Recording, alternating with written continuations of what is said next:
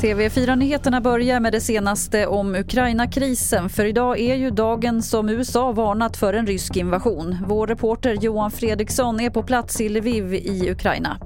Jag tror att de flesta ukrainare vaknar upp med en slags lättnad att det inte föll några bomber eller raketer över dem den här natten.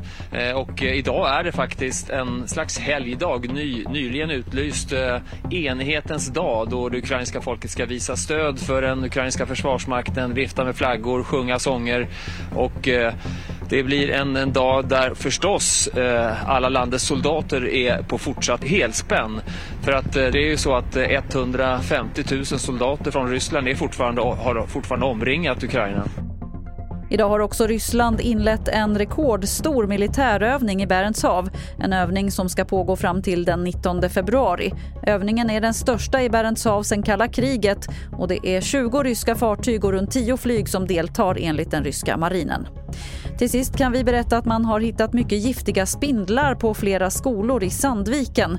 Den hittades första gången i november och skickades på analys och nu har det visat sig att det rör sig om en art från Chile vars bett gör väldigt ont och i värsta fall kan vara livshotande.